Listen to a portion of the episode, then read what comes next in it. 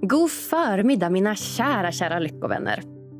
Det är måndag morgon i vanlig ordning och jag sitter lyxigt nog och spelar in veckans intro till er igen. Och som den klassiska svennebananen som jag faktiskt är så tänkte jag börja med att berätta om dagens väder. Det snöar i Stockholm idag och jag fullkomligt älskar det. Det betyder mer snö i backen, det blir ljust och fint ute på gatorna och som den fjällräv som jag faktiskt är så trivs jag helt enkelt bättre i det klimatet. Jag ser fram emot att ta dagens alla 10 000 steg utomhus idag. Det ska bli så härligt. Och imorgon så åker jag upp till mina favorittellisar uppe i Piteå, Tell Sverige AB och håller en helt ny föreläsning som jag har skapat om just lyckliga organisationer. Mer bestämt om forskningen bakom vad det är som får chefer och medarbetare att stanna eller sluta på arbetet. Det är en föreläsning som jag själv är sjukt nöjd med faktiskt. Där jag dels utgår ifrån forskning från min masteruppsats i organisationspsykologi från Stockholms universitet.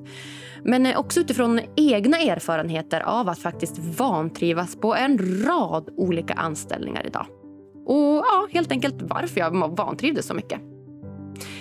Det ska bli sjukt spännande att se hur den här landar hos cheferna och medarbetarna. Men eh, kul, det kommer det i alla fall att bli.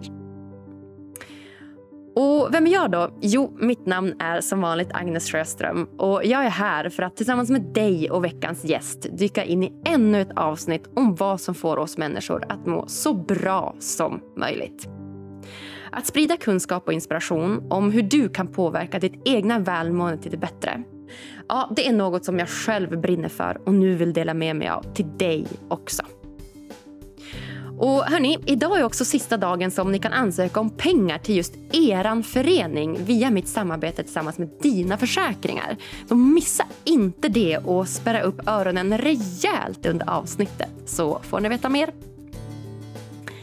Men nu till veckans avsnitt. Sofie Jan är dottern till den omtalade ridläraren som förgrep sig på stalltjejerna och misshandlade sin familj på hästgården utanför Stockholm. En historia så unik att berätta att TV4 valt att skapa en serie som baseras på just Sofies egna berättelser från barndomen. Även kallad Nattryttarna. Ända sedan Sofie blev myndig levde hon på den omtalade hästgården tillsammans med sin mamma, pappa och sina fyra systrar. Idag gästar hon Lyckopodden för att dela med sig av händelsen i hopp om att historien inte ska upprepas igen för någon annan. Vi pratar om hur det är att växa upp med en förgripare till pappa. Vi pratar om förlåtelse, om vilka lärdomar Sofie tar med sig från sin historia och slutligen vilka som varit Sofies bästa tips mot ett lyckligare liv. En historia med sanningen överensstämmande om vad som faktiskt händer under det verkliga livet på hästgården. Skrämmande och otroligt nyttigt att sprida. Varsågoda.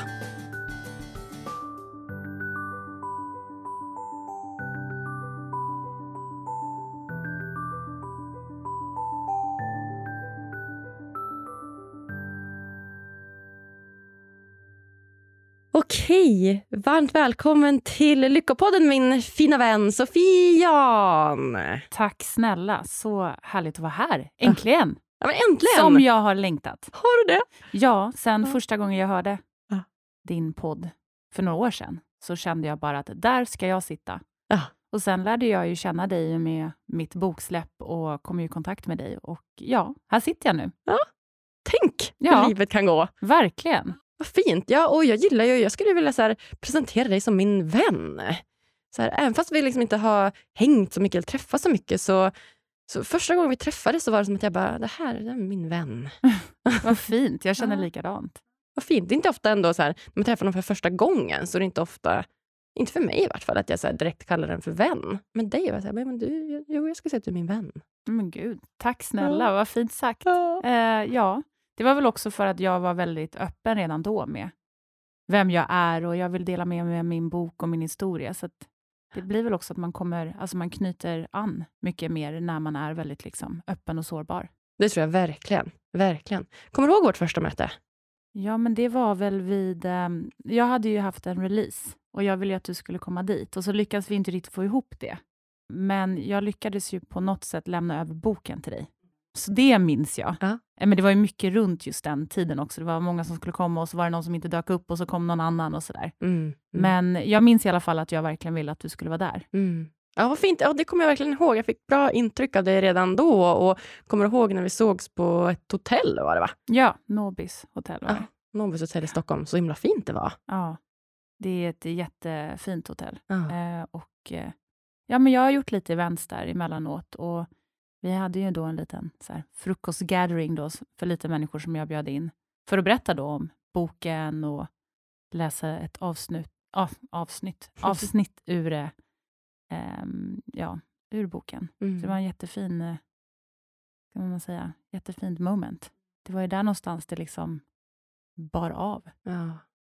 ja, du har ju minst sagt en historia att berätta, Sofie. Du har ju levt en, ett liv som många andra inte har på ett väldigt utmanande sätt, får man väl säga, åt, åt många olika håll. Och den här historien som du bär på, den har ju blivit både boken, den här Mm. boken som du har skrivit, och även nu också en film på en serie Ja, säga, precis. på TV4, Nattryttarna. Ja, precis. Eh, Nattryttarna heter den och den släpptes ju först via Simor och sen så då på TV4. De, Mm. ja, det är kanaler som samarbetar och jobbar ihop. Så att den har ju fått en enorm spridning nu. Mm. Ja, men det har den verkligen. Och jag Mm. tänker att vi ska hoppa in och, och prata lite om den. Men det som berör mig extra mycket i det här är ju att du och jag har ju levt väldigt nära varandra, alltså i samma värld. Vi har ju båda hållit på med hästar Mm. och tävlat i hoppning och bland annat. Då, och har ju, vi är ungefär lika gamla. Jag är ju född 91 och du är född 88. 88. Nästan Ja, gammal. ja. Jag är lite äldre då. Lite äldre, ja exakt. men, ja, men lite samma generation ändå. Och har ju levt ja, men bredvid varandra liksom, i, i, i hästvärlden. Och den är inte så stor ändå. Nej. Och, och, ja, men, ibland har jag sett liksom era namn på startlistorna och hört om er och så där sedan tidigare. Så, så för mig blir det så himla extra berört just eftersom att vi har levt så nära varandra och ändå hade jag liksom ingen aning Mm. att livet kunde se så, så utmanande ut för dig på, på din kant. Mm. Vi blev ju, när jag säger vi så pratar jag väldigt mycket också om min syster som är 14 månader yngre än mig. För vi var ju ute och tävlade i princip varje helg och höll ihop i vått och torrt. Och vi blev ju experter på att liksom hålla fasaden uppe och få det att verka som att vi hade ett jättebra liv. Verkligen. Ja, verkligen. För det var min bild också. Att Ja. jag sa, åh gud, eh, ja, men jag som själv inte kommer från en hästfamilj, utan jag hade ju häst utanför stan, men som bodde i stan och var Mm. väldigt mycket så här, äh, stadstjej på det sättet, så, så såg jag ju ofta upp till ja, men, er som levde med er häst. Ni liksom bodde på en hästgård, det var du och din familj och du hade en syster, jag har alltid velat haft en syster. Och, Mm. ja, men mamma, pappa och, och fler syskon och bodde på liksom en, en gård som hade ridskoleverksamhet och liknande. Så att, så att skenet kan bedra. Ja men verkligen. Och jag menar, det såg ju ut att vara från utsidan liksom som att jag levde i ett paradis. Jag menar, jag hade en häst i trädgården. Eh, Eller jag, hur? kunde, jag kunde liksom rida hur mycket jag ville och varje gång på de här tävlingarna så kom vi med en, en liksom hästlastbil med, vad var det, nio ponnysar Ah, som du vet bara klev ur transporten och där var vi och så in på tävlingsbanan och vi vann massa priser och sen vidare till nästa tävling. Så att jag förstår utåt sett, liksom om man framförallt älskar sporten och hästarna så förstår jag att man kan tänka så här, men wow, gud jag vill också ha så där mycket hästar och jag Ja. vill också tävla så mycket. Jag vill också ha föräldrar som är så engagerade. Jag menar, min pappa var ju alltid med överallt och engagerade sig. Eh, så att jag förstår verkligen den, den bilden. Och som sagt, vi var ju experter på att vara skådespelare. det var ni, Mm. verkligen. Och jag blev så berörd, ja, men dels för att så här, jag, först fick jag boken och jag läser ju inte böcker. Jag driver en podd av en anledning. jag tycker det är jobbigt att läsa. Ja, jag är likadan ska tilläggas. Och du är det? Och då har jag ändå skrivit Ja. en bok. Men jag har ju också spelat in den eh, liksom på Storytel och då är det ju att, man, att jag läser in manuset också. Så då är det också ljudbok. Ja. Mm, precis. Mm. Ja, men din bok var bland de första då, ska jag säga, som jag läste liksom perm till Mm. perm.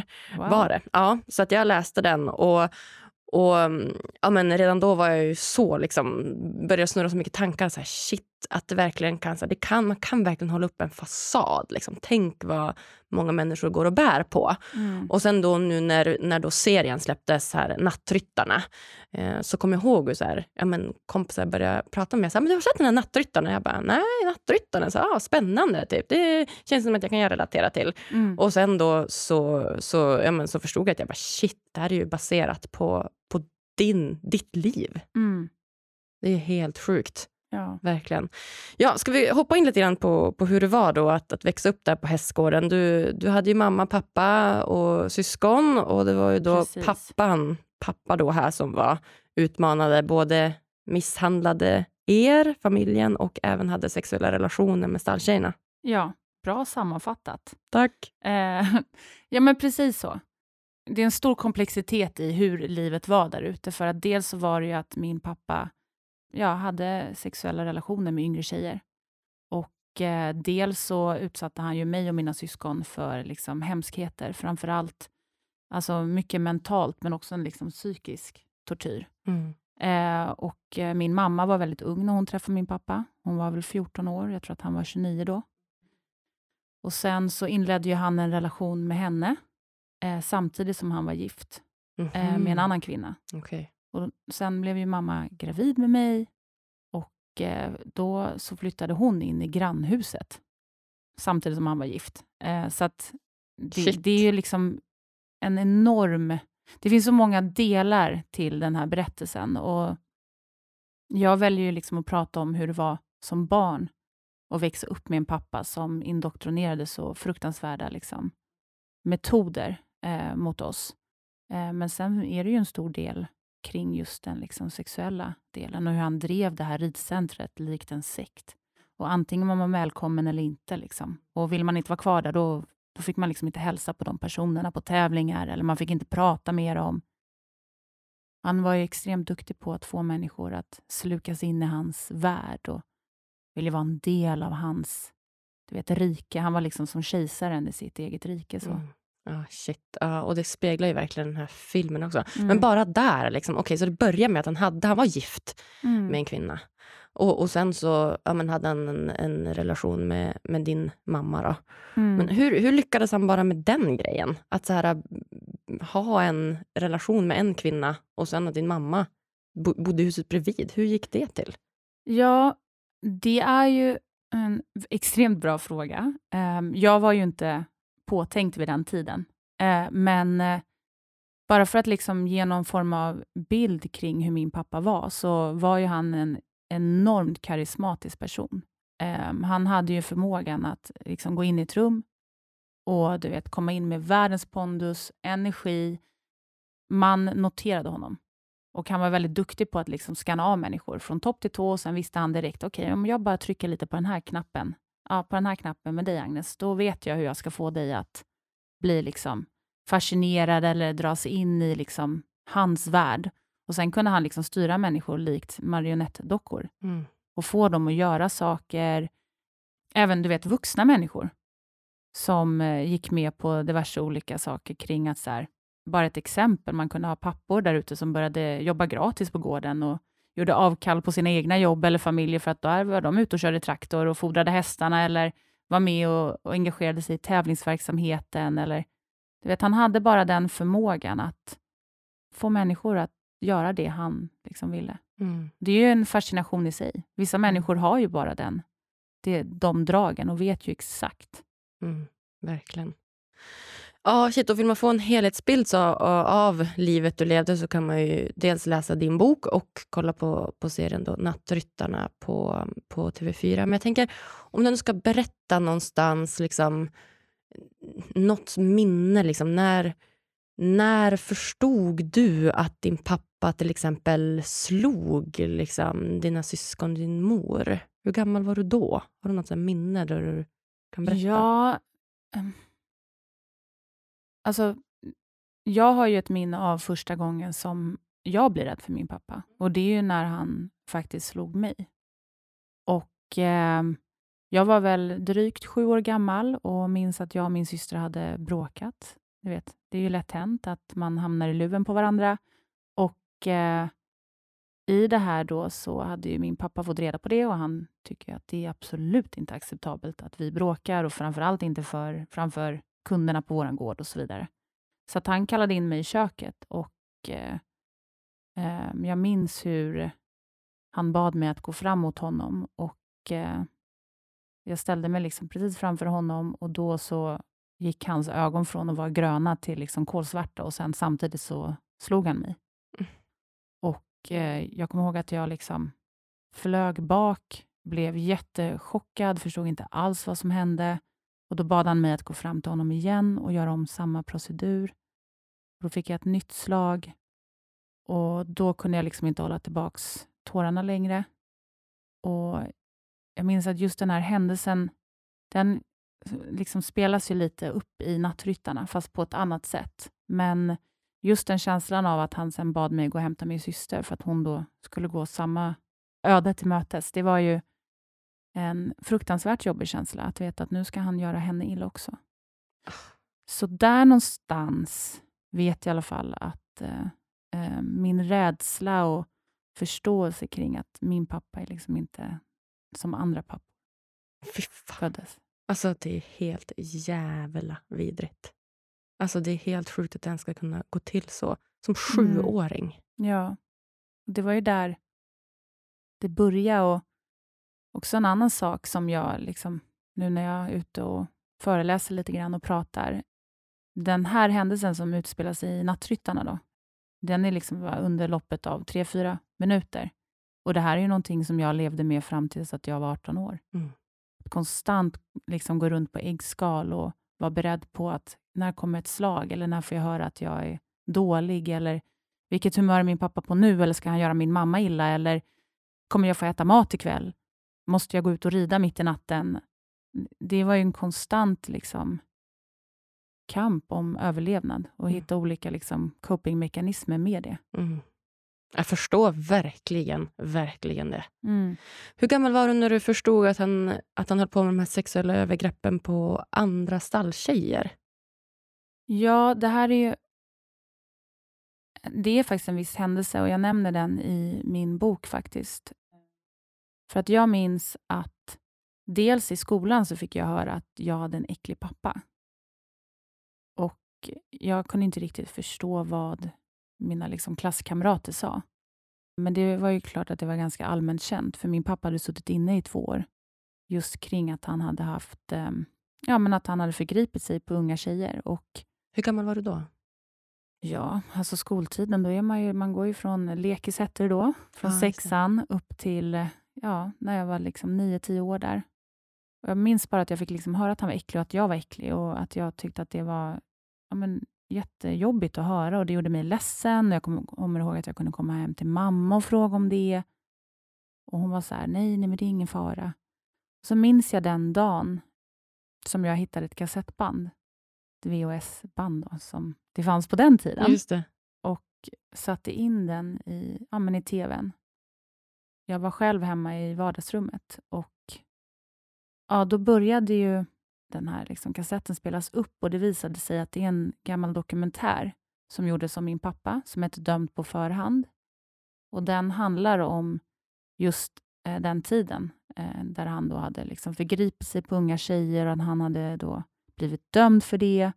Men i den här eh, dokumentärserien så, så kommer det fram till eh, liksom att han var oskyldigt dömd jag förstod inte så mycket under den tiden, för jag var så, så ung, men jag minns bara att det var, de, det var liksom tjejer som satt och sa saker om min pappa. Jag kunde inte alls förstå och då minns jag att mamma kom in i under den tiden och liksom snabbt tog ut det här bandet och sa att det här är inte sant och det är påhittat och, och så vidare. Och där någonstans så började väl mina liksom misstankar mot min pappa ändå att liksom komma, komma upp till ytan kring att det är saker kring honom som inte riktigt är liksom normalt. Men just i den åldern, jag var väl liksom 9-10 år, jag minns inte riktigt, men ja, det var svårt för mig att förstå vad sex var och de delarna. Exakt. Mm. Ah, fy fan. men det är det jag tänker. Så när, jag försöker relatera till mig själv. Så när, när förstod jag att sex fanns? Ja. Alltså, det, är, det är skitsvårt att ens tänka tillbaka och bara och förstå. Och sen då att, att ha dem, det, alltså din första liksom upplevelse av då sex eller intimitet och närhet, att det är liksom din pappa som förgriper sig på andra. Det måste ju vara helt alltså, förvrängt. Ja, det är ju det. Och det måste jag också säga, min mamma har ju varit enormt liksom, duktig på att skydda mig och mina syskon mot just den här delen. Mm. Hon försökte ju hela tiden liksom att, att... eh, Hon visste ju vart min pappa någonstans hade sex med alla de här tjejerna. Hon visste exakt när det hände. Hon, hon märkte liksom i hans beteende och mönster eftersom att han ändå hade gjort det så många gånger. Så att på något sätt så lyckades hon liksom att hålla oss lite liksom undan från den delen. Mhm. Vilket jag ändå måste säga att jag är enormt tacksam för. För jag vet inte, hade jag behövt leva med just de bitarna också, så hade ju alltså, livet varit ännu värre. Jag hade ju fullt upp med att överleva själv. Ja, Liksom. gud ja. Verkligen. Så din mamma hon visste ändå om det här? Absolut. Ja, Mm. Hon var ju en av de tjejerna. just det. Ja. Och sen lyckades ju han manipulera henne och få henne att tro att hon liksom var älskad och speciell. Och det var hon säkert. Alltså så. Men eh, jag menar, det förringar ju inte att han var med andra tjejer också. Ja, för fan. Alltså, det jag, får sån, alltså, jag har sån klump i magen och dig berätta det här. Alltså, dels att man liksom läst boken och sett film eller serien, så jag vet ju det här, men, men det blir ju ännu mer verkligt när du sitter här. Att så här Mm. shit, att det, här, att det här ens händer. Att det händer. Och att det händer så nära oss hela tiden. Ja. Det är så fruktansvärt. Kallar du honom fortfarande för pappa? Nej, jag valde ju att börja kalla honom vid hans namn. Och Det var nog ett sätt för mig att distansera mig från liksom att du vet, känna kärlek för sin pappa. För att han var ju inte en pappa. Och Jag insåg ganska fort liksom att en pappa gör inte så här mot sina barn. Eh, jag jämförde mig med, med mina kompisars liksom, pappor och hur pappor ute på gården var mot sina döttrar. Och Jag bara, det här är liksom min pappa, han är inte pappa. Så jag började ju liksom säga då Jerry, som han hette. Och eh, ehm, det blev nog, för mig i alla fall, ett sätt att på, ja, kunna distansera mig från den smärta som han ändå gav mig. Jag förstår det. Jag förstår verkligen det. Har du, har du förlåtit honom idag? Ja, det har jag. Okej. Och ehm, det är en av de liksom absolut vanligaste frågorna jag får. Jag kommer aldrig att liksom kunna förringa det han har gjort mot alla tjejer, det han har utsatt mig för, det han har utsatt mina syskon och djuren på gården, min mamma för. Det är fruktansvärda saker. Det är absolut inte okej. Men jag har kommit så långt i min egen liksom läkningsprocess och vem jag är idag och jag tror inte på att gå runt och hata och bära liksom en jäkla massa, du vet, vad heter det, smärta och sorg, utan jag tror, jag tror på att liksom lägga den ryggsäcken bakom mig och bara förändra mitt sätt hur jag ser på saker och ting och dra lärdomar. Så att idag har jag valt att liksom förlåta honom för att han inte var en pappa och dra lärdom av vad han har lärt mig och eh, ja, men gå vidare med mitt liv. Det är Och det- bara sjukt jäkla jobbigt att gå och bära på hat för att han kommer inte, nu lever ju inte han längre, men han skulle inte ändra på det. Och han hade inte brytt sig om jag gick och bar på den smärtan. Nej, exakt. Nej, alltså förlåtelse är ju verkligen delvis för en själv, ens egen skull. Men det behöver ju inte betyda att det är lätt, tänker jag. Alltså att förlåta, det är ju en process. Ja, gud, och det ja. tar ju tid. Och det är ju ja, men, väldigt mycket, liksom, som du säger, det krävs ju en enorm bearbetning och personlig utveckling och förståelse för det som har hänt, både liksom psykiskt och kroppsligt och andligt och Mm. fysiskt och liksom på alla möjliga olika plan. Mm. Men jag tänker att vi ska liksom gå in och prata lite mer om liksom lärdomarna, om vad du har lärt dig, om, om vad som faktiskt kom ur det här och om, om, om livet idag. Ja. Så mm, hur mår du idag? hur mår du? Hur är läget? Fruktansvärt. Ja. Nej, men eh, jag tycker det som jag var inne på innan vi drog igång den här inspelningen, det är just den här delen som är det som jag är passionerad och brinner för idag. Jag får ju ofta höra frågan, Sofie, du som har varit med om allt det här, hur kan du vara så normal och hur kan du vara liksom en glad person och hur kan du fungera? Och jag tycker egentligen att den frågan, det är klart att den är relevant. För mig är det bara en självklarhet, för jag har ju valt att jag vill må bra. Och det har jag ju valt sedan jag var barn. Jag eh, vill ta mig igenom det här. Och jag tror att det finns liksom två vägar. Antingen så gör man sig till ett offer, så bestämmer jag mig för att ja, men på grund av allt det här så, så vill inte jag må bra. Och då, baserat på det, så ligger jag hemma och är deprimerad. Och det är inget fel med det, alltså alla får gå sina egna vägar, men för mig så valde jag att hur kan jag liksom omvandla det här? Hur kan jag ta all den här smärtan, allt det som ändå min pappa indoktrinerat och vända på det och få det liksom att bli min största superpower. Och Det är ju det som har drivit mig idag. Det är det som får mig att du vet, komma, upp och, eh, komma upp i sängen på morgonen, vara glad över saker och ting, känna tacksamhet. Ja, men att liksom helt enkelt vända saker till lärdomar. Mm. Wow. Ja, för just det här som du säger, så här, men, att, att vara glad och positiv och att livet fungerar och så. Mm. Jag tänker att det kan du göra ändå. Alltså även fast man liksom bär på mycket sorg eller inte har förlåtit eller, eller sådär. Så att, hur skulle du säga, hur har du gjort för att faktiskt liksom genuint må bra? Liksom, har du några så här metoder eller tips eller liksom, vad det tänkas, kan tänkas vara som har hjälpt dig? Ja, jag har ju min lilla Sofies toolbox då, då ja. som jag eh, har tagit fram. Den kan jag ju prata om i oändligheten, men några saker som jag har lärt mig fungerar för mig, för att jag har ju haft enormt ne mycket negativa tankar. Jag har haft den här liksom hemska eh, djävulen på min axel som säger till mig att jag är ful, jag är inte tillräckligt bra, jag passar inte in i det här rummet. Och framför allt typ jobba med en av mina största rädslor som har varit att jag inte tror att jag är tillräckligt smart för att liksom få vara i ett rum. Och Det är ju någonting som min pappa sa till mig från det att jag var barn. Att han kallade mig för IQ fiskmås. För att jag var inte så bra på matte och jag kanske inte var liksom stjärneleven i skolan. Så det har ju följt mig. Så då har jag jobbat mycket mer kring liksom hur jag kan vända de här tankarna. Och lärt mig nästan att så här, se tankarna framför mig, så jag har mappat upp dem. Och så kan jag liksom gå in så här, nu tänker jag den här tanken. Okej, är det sant? Är det där verkligen jag? Och Jag har till och med dragit det så långt så att jag ser mig själv i en film. Det var en person som sa det till mig för några år sedan, så här, att Sofie, tänk dig själv att du är huvudrollen i din film. Om du nu hade liksom tagit ett helikopterperspektiv och sett dig själv där nere, vi säger i det här rummet nu, och så har jag tankar som säger till mig, ja men du är inte tillräckligt smart för att sitta här inne. Är det verkligen sant? Och hur vill jag att Sofie i det här rummet ska agera egentligen? Så det har hjälpt mig enormt mycket att liksom leka att jag är i en film. Mm. Så det är en, en, en liksom, ett verktyg som har hjälpt mig enormt. Vad jag än är, om jag nu ska gå upp och föreläsa, hur vill jag att Sofie ska vara i den här föreläsningen? Och där jobbar jag mycket också med att visualisera.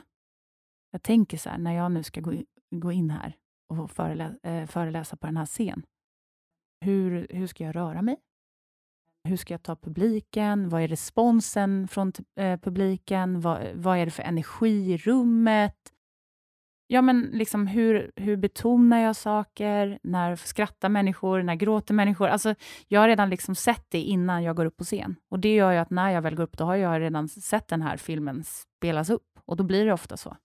Så visualisering och helikopterperspektiv har varit liksom, är två viktiga nycklar i Sofies toolbox. Ja, verkligen. Det har hjälpt mig enormt.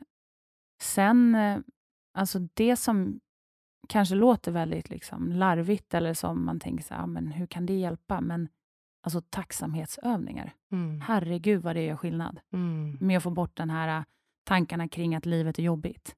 Jag menar, för mig var ju, alltså jag har ju tagit mig ur någonting. Jag lever idag. Egentligen, det finns inte mycket saker som är jobbigt. Om jag tänker så här, gud, de här nattridningarna till exempel, som, eh, ja, serien heter ju Nattridningar och de var ju för mig det absolut värsta som kunde hända. Jag hade ju ingen aning om när min pappa väckte mig liksom, sent på kvällen och när han bad mig att gå ut och rida en av de här hästarna mitt i natten. Alltså Sofie på 45-50 kilo mot en häst på över ett halvt ton. Jag har ingen aning om jag kommer överleva den här natten eller inte. Jag har ingen aning om min pappa kommer hoppa ner från läktaren och puckla på mig för att han är arg över att jag inte har gjort det tillräckligt bra.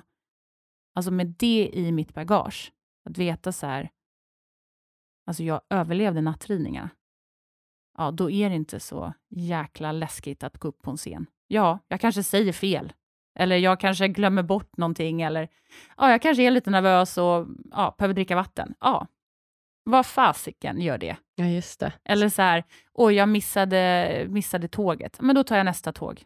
Alltså den, att jobba med tankarna på det sättet uh, har hjälpt mig liksom enormt i, i att se, hur jag ser på livet. Och då för att cirkulera, nu bara babblar jag på här, men för att cirkulera tillbaks till det här med eh, tacksamhetsövningar, så börjar jag då varje morgon. Så sätter jag liksom handen på hjärtat, precis när jag satt mig upp på sängen.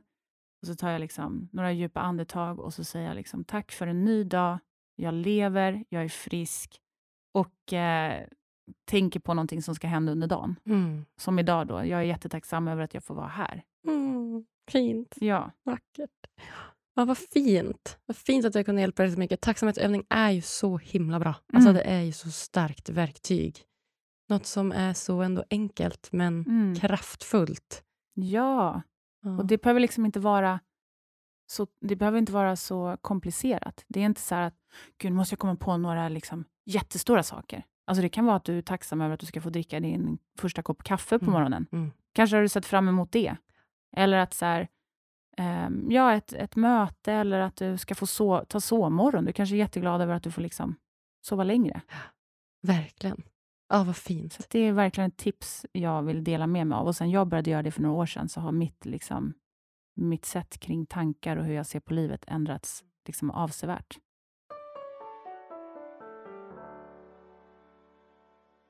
Veckans avsnitt är sponsrat av mina nya fina samarbetspartners Dina Försäkringar. Och det bästa är att nu vill de hitta fler föreningar att sponsra. Ja, det här företaget har verkligen förstått vinkeln med att ge och ge och ge utan att förvänta sig något tillbaka. Och det vet ju både du och jag att det är ett riktigt lyckorecept.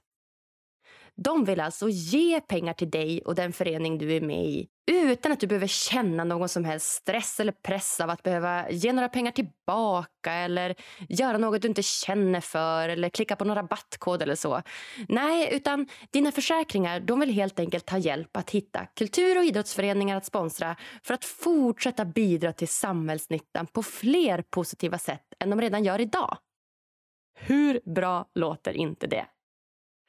Så till alla mina norrländska vänner. Här kommer kanske det mest generösa erbjudandet i poddens historia. Kanske är du med i någon bokklubb, musik eller dansklubb, spelar gitarr i någon förening, är med i någon teaterklubb. Kanske du är med i någon studentförening på universitetet eller kanske har du ett barn som idrottar i någon idrottsförening. Eller kanske idrottar du själv. Ja, vad vet jag. Men om du gör det och bor i Norrland då bör du helt klart kika in länken i avsnittsbeskrivningen eller i min bio på Instagram.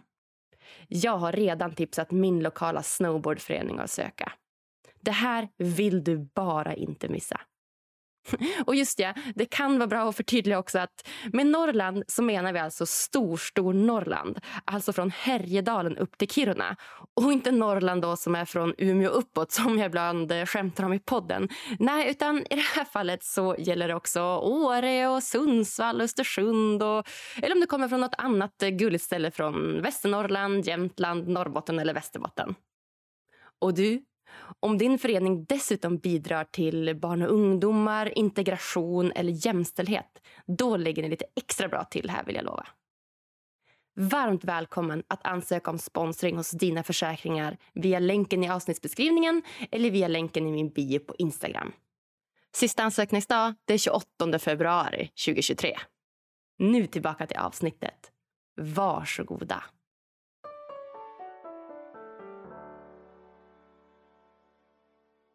Har det hjälpt dig att liksom skriva den här boken och spela in den här filmen? Har det liksom hjälpt dig att prata om de, de här händelserna? Tror du? Ja, gud ja. Dels, alltså från ett så här, äh, terapeutiskt perspektiv skulle jag säga att alla borde skriva en bok. alltså lägga upp livet så här, på ett bord framför sig i liksom, form av kronologisk ordning och börja så här, du vet, connect the dots. Att så här, Åh, när jag var sex år, då hände det här och sen nu när jag är 26 år, då händer det här. Och så börjar man liksom förstå sina mönster, sina beteenden, att vad saker och ting liksom kommer ifrån. Ja, men du börjar göra kopplingar. Och för mig var ju det oerhört intressant att så här, någonting som hände mig när jag var yngre kan ha påverkat mig i en viss situation runt en viss person, eller vad det nu än är.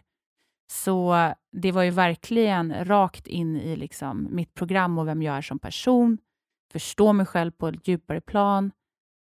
Um, så det var enormt um, alltså, ja, läkande. Det var emellanåt också väldigt uttömmande. Jag var väldigt trött. Jag kommer ihåg att jag drömde enormt mycket. Alltså det var, jag var tillbaka till den här lilla Sofie som ja, men var så rädd och osäker och liksom inte visste om jag skulle överleva dagen. Så det var mycket mardrömmar också eh, i det här.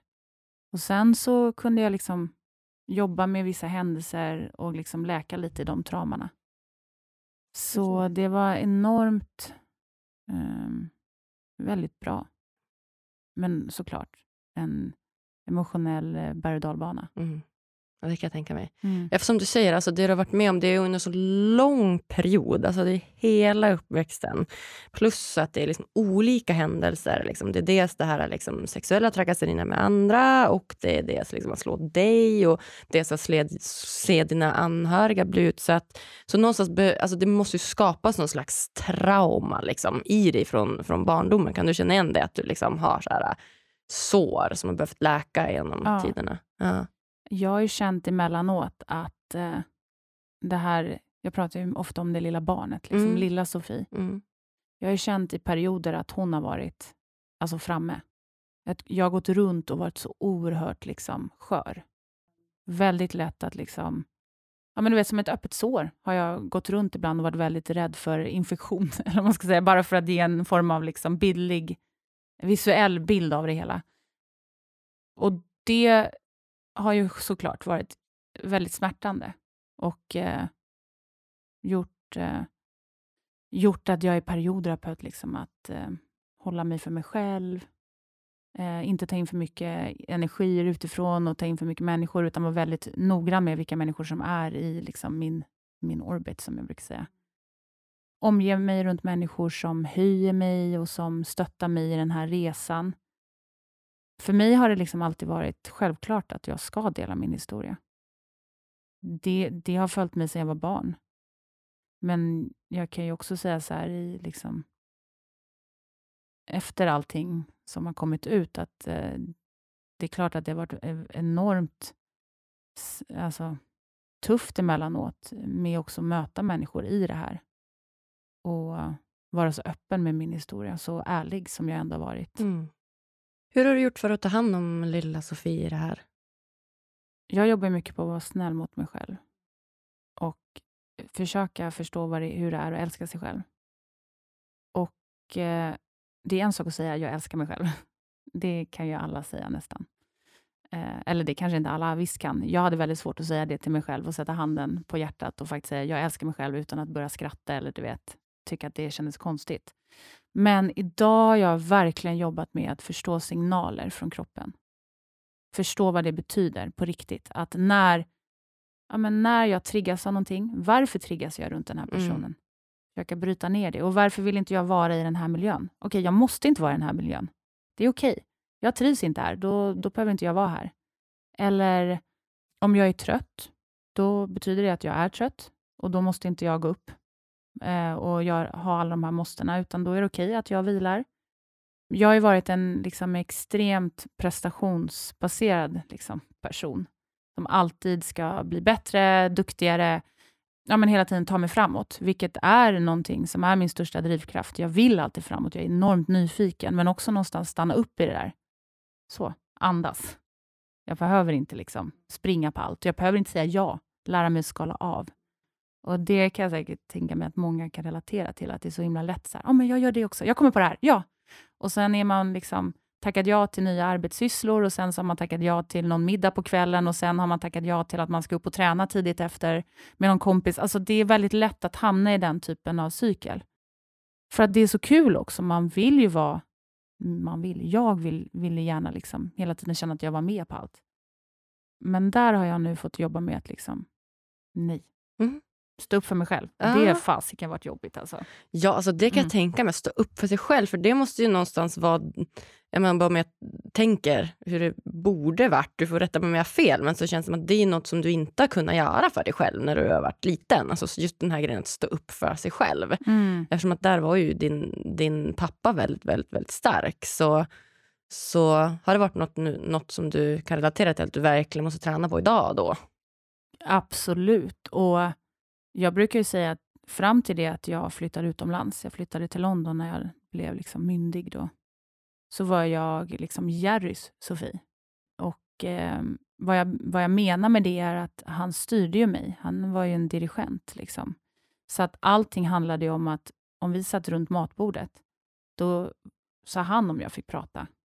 Och jag minns någon gång när vi hade haft någon spekulant ut i stallet och de hade dragit ett skämt och jag hade garvat till det skämtet. Och det hade jag ju liksom fått äta upp senare på kvällen. För att det var så här, du skrattar inte när en kund säger så här. Så att allting handlar ju väldigt mycket om så här, hur fick jag prata? Fick jag garva eller skulle jag hålla tillbaks? Eh, hur skulle jag äta? Hur skulle jag sitta runt liksom ett bord? Jag fick i princip be om, om lov liksom, att gå och lägga mig för natten. Så att, att leva i den typen hela tiden kring att anpassa sig efter någon annans eh, hjärna och hur han vill att jag ska vara. Det har ju varit eh, en enorm resa i att så förstå, eh, okej, okay, nu är jag vuxen, men vad tycker Sofie om? Är jag social? Vad har jag för intressen? Eh, vad har jag för typ av humor? Vad, är, eh, vad är liksom roligt? Vad är mindre roligt? Och allt det där som man kanske gör i tonåren och barndomen, det började jag med när jag liksom fyllde 18. Ja, exakt. Det var då du fick börja lära känna dig själv på riktigt då? Ja. Från dig själv? Ja. Precis. Är du, har du varit rädd för liksom, jag tänker andra män och typ att bli slagen och sånt? Har det liksom satt sig på något sätt? Um, hmm.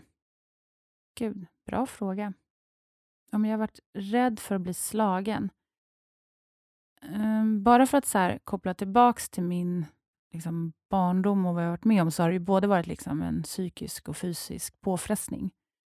Och jag skulle egentligen vilja säga att även om jag blev, fick enormt mycket slag och gjorde mig enormt mycket illa, så brukar jag likna det med att det blir till ett sår, en sårskorpa som sen liksom försvinner. Men det mentala för mig har varit värre. Att hela tiden gå runt och vara rädd och inte veta liksom om jag ska få en utskällning eller om jag ska få en klapp på axeln. Så det har nog varit mer någonting som jag varit rädd för att liksom, um, hur jag ska läka i, i ja, men den mentala delen. Men sen såklart, eh, att bli slagen som barn så många gånger om och bli utsatt för sådana liksom, mm, påfrestningar där jag inte vet om jag liksom kommer att överleva eller inte. Klart att det har gjort mig väldigt alert. Jag läser ju av situationer på en sekund. Om jag går in i ett rum så har jag stenkoll på alla människor i det rummet. Jag vet liksom vart de befinner sig. Och jag menar, bara jag åker tunnelbana eller buss, jag vill alltid se liksom hur människor agerar, om det är någon som har ett avvikande beteende. Så att ja, jag har ju alltid liksom tentaklerna utåt. Så. Mm. Men jag ska inte säga att jag går runt och är rädd. Nej. Nej, vad skönt. Ja. Vad skönt. Eftersom att jag inte har blivit det heller, så själv liksom fysiskt misshandlad och så, så är det svårt att, att relatera till. Men jag förstår att den mentala biten alltså har varit mm. jobbigt. Ja. Vilka skulle du säga är dina liksom största lärdomar från din uppväxt? Vad är det liksom du har tagit med dig mest? En lärdom som jag verkligen har jobbat mycket kring, det är ju som jag var inne på tidigare, det var ju det här med hur jag tänker och mina tankar. Och när det kommer till liksom lycka och glädje, så är ju det någonting som jag själv bestämmer. Om, alltså, som jag säger, happiness is a choice. Det är någonting som jag bestämmer om jag vill ha med mig i mitt liv eller inte. Det är ingen annan som kan eh, ge mig den lyckan. Och det är extremt starkt när, när den poletten föll ner och jag förstod att jag bestämmer själv om jag vill vara en glad och lycklig person eller om jag vill leva i negligation och vara en liksom, mindre glad person. Sen tror inte jag alltid på att, så här, bara för att tillägga att alltså, livet är inte så svart eller vitt. Jag tror också på att man måste må skit. Du måste ner och gräva i de här liksom, djupaste hålen och också känna smärta och Eh, känna att eh, livet är jobbigt, för att annars så tror jag också det är väldigt svårt att förstå vad det är som känns när man är i flow. Verkligen. Så jag tror liksom inte på att man, att man bara ska vara glad hela tiden. Och Det är någonting som jag tycker också med samhället idag, bara för att liksom väva in det, att man pratar så mycket om att så ska du må bra och vara glad hela tiden. Och jag tror att det är viktigt att man pratar om smärta och jobbiga saker och att vi möts i det. Så i alla fall för att liksom gå tillbaks till just min, mina tankar kring att må bra och vara glad, det är ju att jag bestämmer mig när jag går upp på morgonen att idag ska det bli, det här kan bli världens bästa dag. Jag har ju en meditation eh, som jag blev introducerad till för några år sedan. Eh, det är en kvinna som heter Lucy som eh, ja, guidar en i 15 minuter genom olika steg. Mhm. Och herregud vad den har hjälpt mig. Mm. Alltså jag rekommenderar den här för alla. Ah! Och för mina liksom närmsta vänner som också började köra den här Lucy-meditationen. Och hon tar en liksom genom olika steg.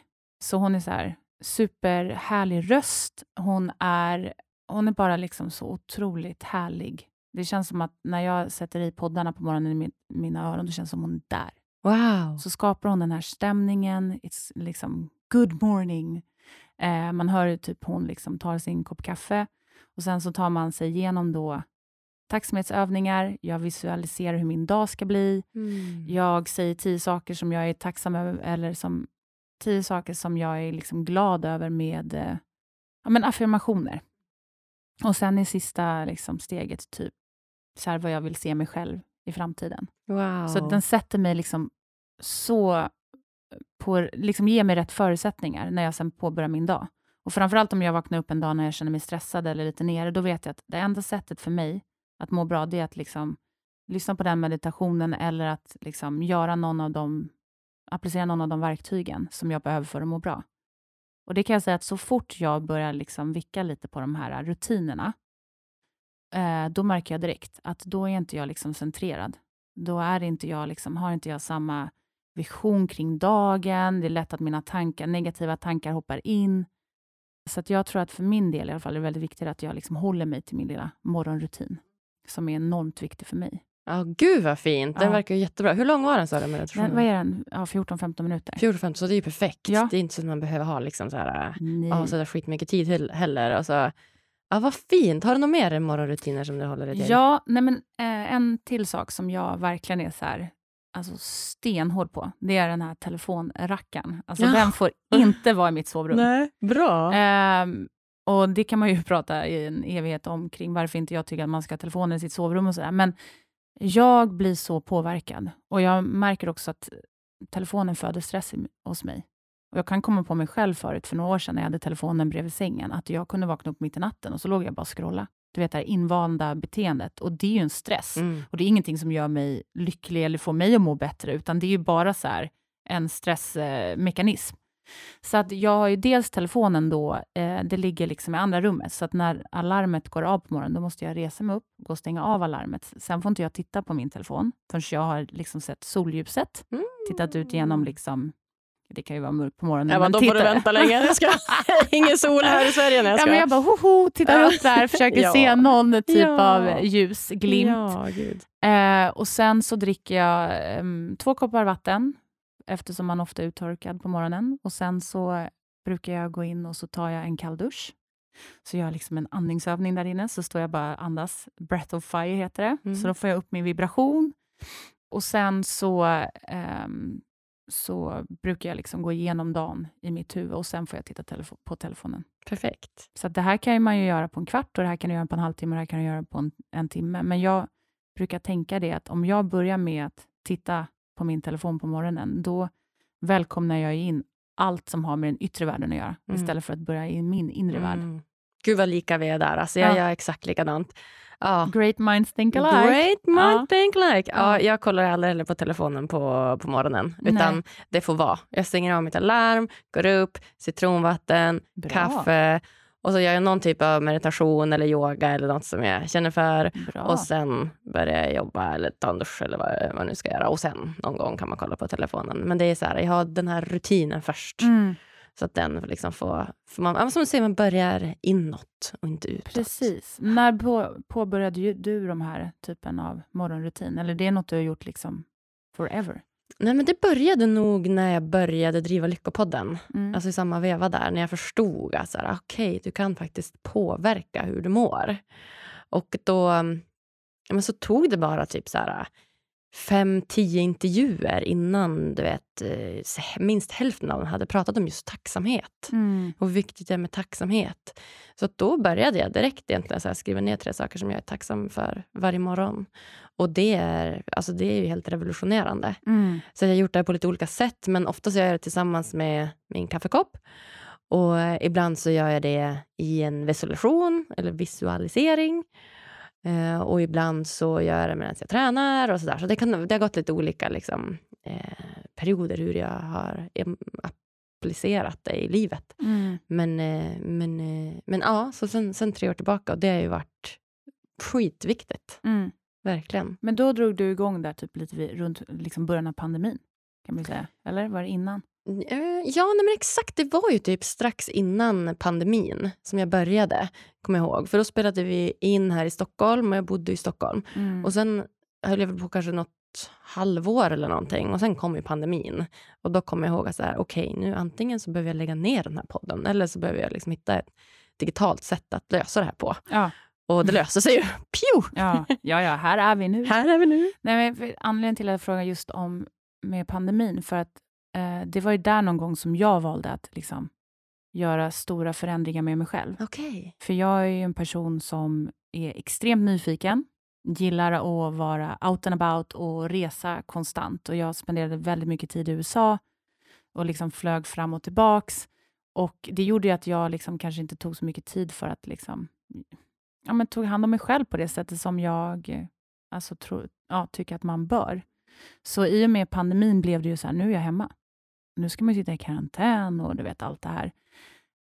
Så då började jag ju liksom lyssna på väldigt mycket poddar och tog till mig väldigt mycket information och började experimentera med mig själv och förstå så här, vad funkar för mig.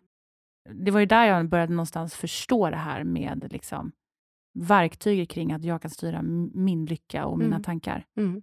Så det var ju liksom revolutionerande. Ja, wow. Mm. Tänk vad pandemin kom med ändå. Ja, för min del eh, hände det väldigt mycket under den tiden. Och eh, jag fick tid för mig själv. Ja. Fick tid att läsa på och lära mig saker och ur det så också föddes ju mitt bolag som startade liksom i mitt kök. Och mitt bolag står ju för allting egentligen. Alltså fundamentet i mitt företag är ju allting som jag står för och allting jag jobbat. Men gud, berätta om det. Vad, Ja. vad gör du där då? Nej, men alltså jag brukar alltid säga så här att eh, hästvården den skapade mig. Och entreprenörskapet är det som driver mig. Och gapet däremellan, det är ju den jag är. Och gapet däremellan, det är det som är grunden till Naima, som är då det bolaget som jag driver idag tillsammans med min ja, men co-founder och vän Desiree. Och eh, bara för att ge en liten bakgrund kring hur allt det här började, det är att eh, Desiree är superpassionerad när det kommer till mat och vad mat gör för kroppen på liksom en cellulär nivå. Och pratar mycket om liksom the gut and brain axis som handlar om att alltså, magen är ju din andra hjärna. Och där skapas ju mycket av dina liksom, hormoner och om du äter den här typen av mat så gör det att du kanske är gladare eller är piggare eller alert eller ja, vad det nu än är. Så att jag tog en crash course och hon började baka en himla massa härliga bakelser i mitt kök. Mitt kök eh, har jag ju inte varit själv aktiv i. så att jag stod där och liksom var hennes cheerleader och slickade skålarna och jag bara, vad är det för magiskt du skapar i mitt kök? Hon bara, ja det här är liksom laktosfritt, glutenfritt, det är veganskt, eh, det är liksom bara naturliga ingredienser och bara bra för dig. Det är liksom boostat med eh, superfoods. Love it! Ja, och då kände jag bara så här, men alltså det här kan inte jag bara ha i mitt kök. Nej, det måste alla ha i sina kök. Ja, ja, men jag är så här, jag kommer från en bakgrund där jag varit ute mycket på bolag och jag har samma diskussion kring fikarummet där man är så här, jag borde inte äta det här, det här är inte bra för mig, jag blir trött, bla bla bla. Så att jag kände bara att låt oss göra en business. Låt oss ta fram framtidens fika. Fika som är supergott. Supergott, jätte liksom, det smakar som vanligt traditionell fika och den råkar också vara väldigt bra för dig. Ja, men alltså, Så genialiskt. Ja, det är ju så spännande resa. Ja. Och jag menar, någonting som börjar mitt kök. Idag har vi ju liksom, idag säljer vi ju till företag och folk som hör av sig till mig och vill äta det som jag började med för liksom, tre år sedan. Men så fint, jag ser lilla burken eller lilla Ja, jag har med skålen. mig en liten låda till dig här, för jag Ja. tänker du, du kanske blir lite fikasugen sen. Ja, men du, jag är så sugen på fika redan nu. Den är så fin också den där. Den är liksom olika färger och färgglad och med Ah. stilren och, och så. så den där, Tack snälla. Ja, tycker vi ska sätta tänderna i snart. Ja, men liksom bara för att cirkulera tillbaks till liksom mer än själva bolaget i sig och varför jag drivs så mycket av det jag gör idag. För att Naima då, det står dels för tranquility, att man är liksom i balans. Och eh, jag har ju sista åren försökt att göra allt för att må bra. Och det börjar ju med hur jag pratar till mig själv och hur jag tar hand om mig själv och allt ifrån vad jag äter. Jag är en person som har varit extrem, så jag har gått på alla dieter. Jag har haft liksom ätstörningar. Jag har eh, ja, men försökt att hela tiden liksom prestera mitt allra bästa och se mitt allra bästa ut. Och eh, någonstans där liksom i början av pandemin så insåg jag att det är slut på alla de här dieterna och det är slut på att säga nej till allting och lägga skuld och skam kring de delarna och istället så här, hitta saker som funkar för mig och börja experimentera. Så att Naima står ju för egentligen att, att eh, alltså mat är medicin. Mm, mat är medicin. Ja. Och Verkligen. Det du stoppar i dig, det är det du blir. Ja, hundra procent. Så det, liksom, Ja. det vill jag dela med mig av. Ja. Det är ju världens mest powerfulla liksom, verktyg när du förstår att det du stoppar i dig, det är det du blir. Ja, så bra. Så det driver mig idag. Ja, det förstår jag. Vad fint. Ja. Tack. Tänk att jag kommer från en sån tuff bakgrund som du har och ändå, ja, men idag, du ser ut att må jättebra, du har massa Tack. verktyg Nu sträcker jag lite extra på mig här. Ja, exakt.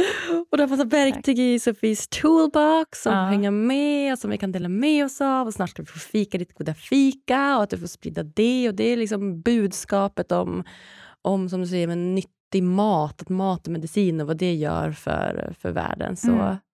Ja, det är inte helt dumt. Nej, Nej.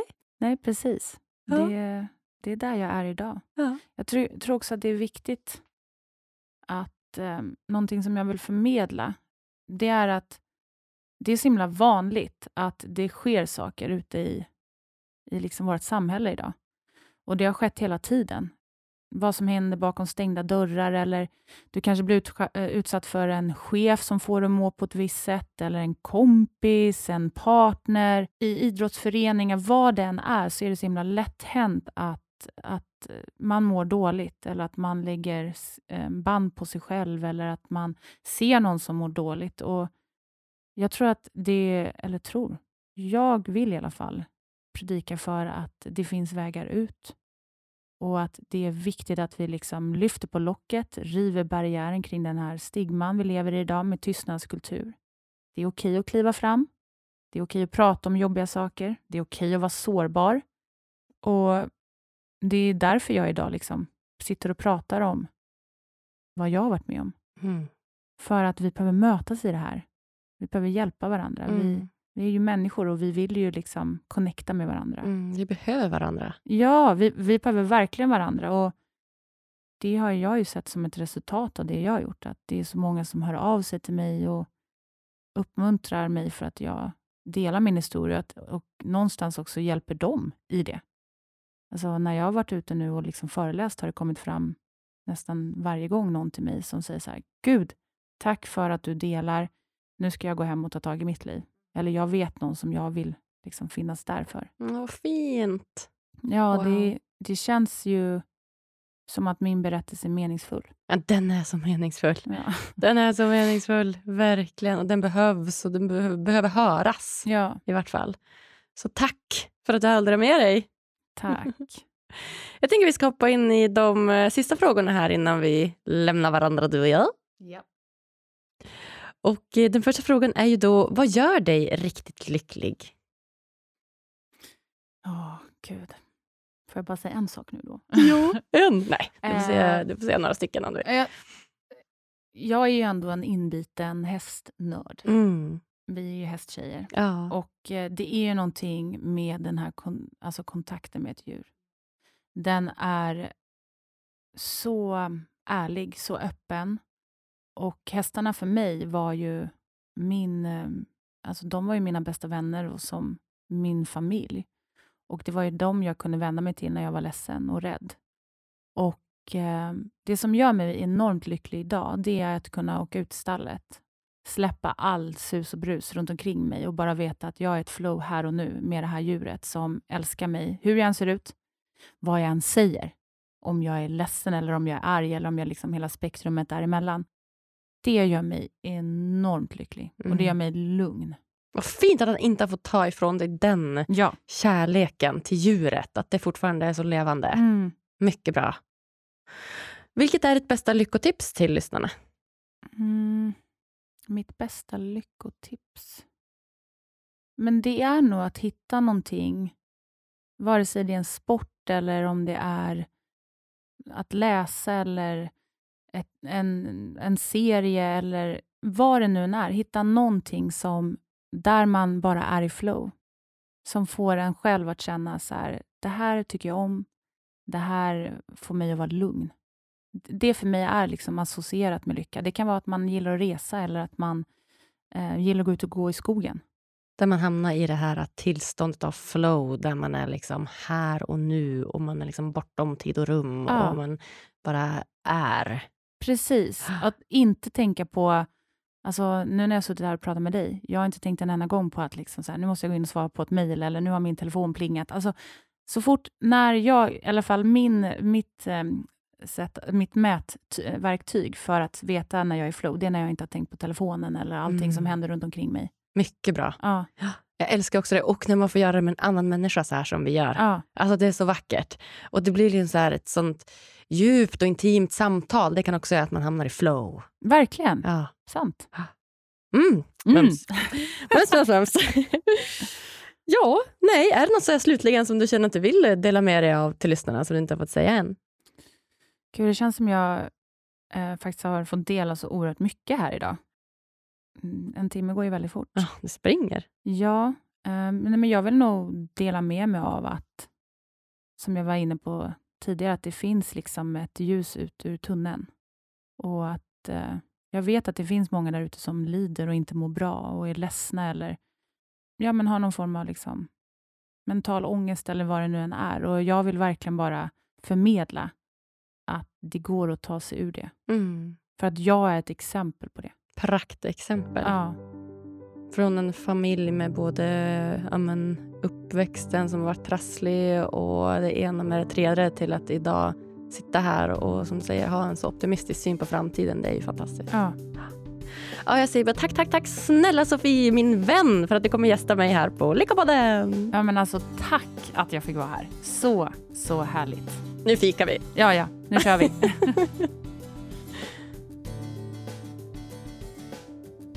Ja, shit hörni. Det är en riktig rysare till historia det här. Och trots att jag visste om den här berättelsen sedan tidigare så blev det plötsligt ännu mer verkligt att se den spelas upp på tv. Trots att det var med andra skådespelare än Sofie själv. Har du sett serien? Ja, jag tycker i vart fall det är skönt att eh, både höra och se att Sofie mår så mycket bättre idag. Gulliga, gulliga Sofie. Och du, om du också uppskattade det här avsnittet så hade jag blivit megaglad om du ville gå in på podcasterappen i din iPhone eller Android-telefon och ge oss så många stjärnor som du tycker det här avsnittet förtjänar. Och lämna jättegärna lite kommentar också om du vill det. Och vill du veta mer om mig och få ännu mer lyckotips och inspiration då tycker jag dels att du ska följa vår Instagram, Lyckopodden heter jag där eller också lägga till mig i ditt nätverk på LinkedIn. Agnes Sjöström heter jag där. Då lovar jag att du inte kommer missa något som helst lyckotips. Vi hörs på tisdag igen. Lyckopuss till dig!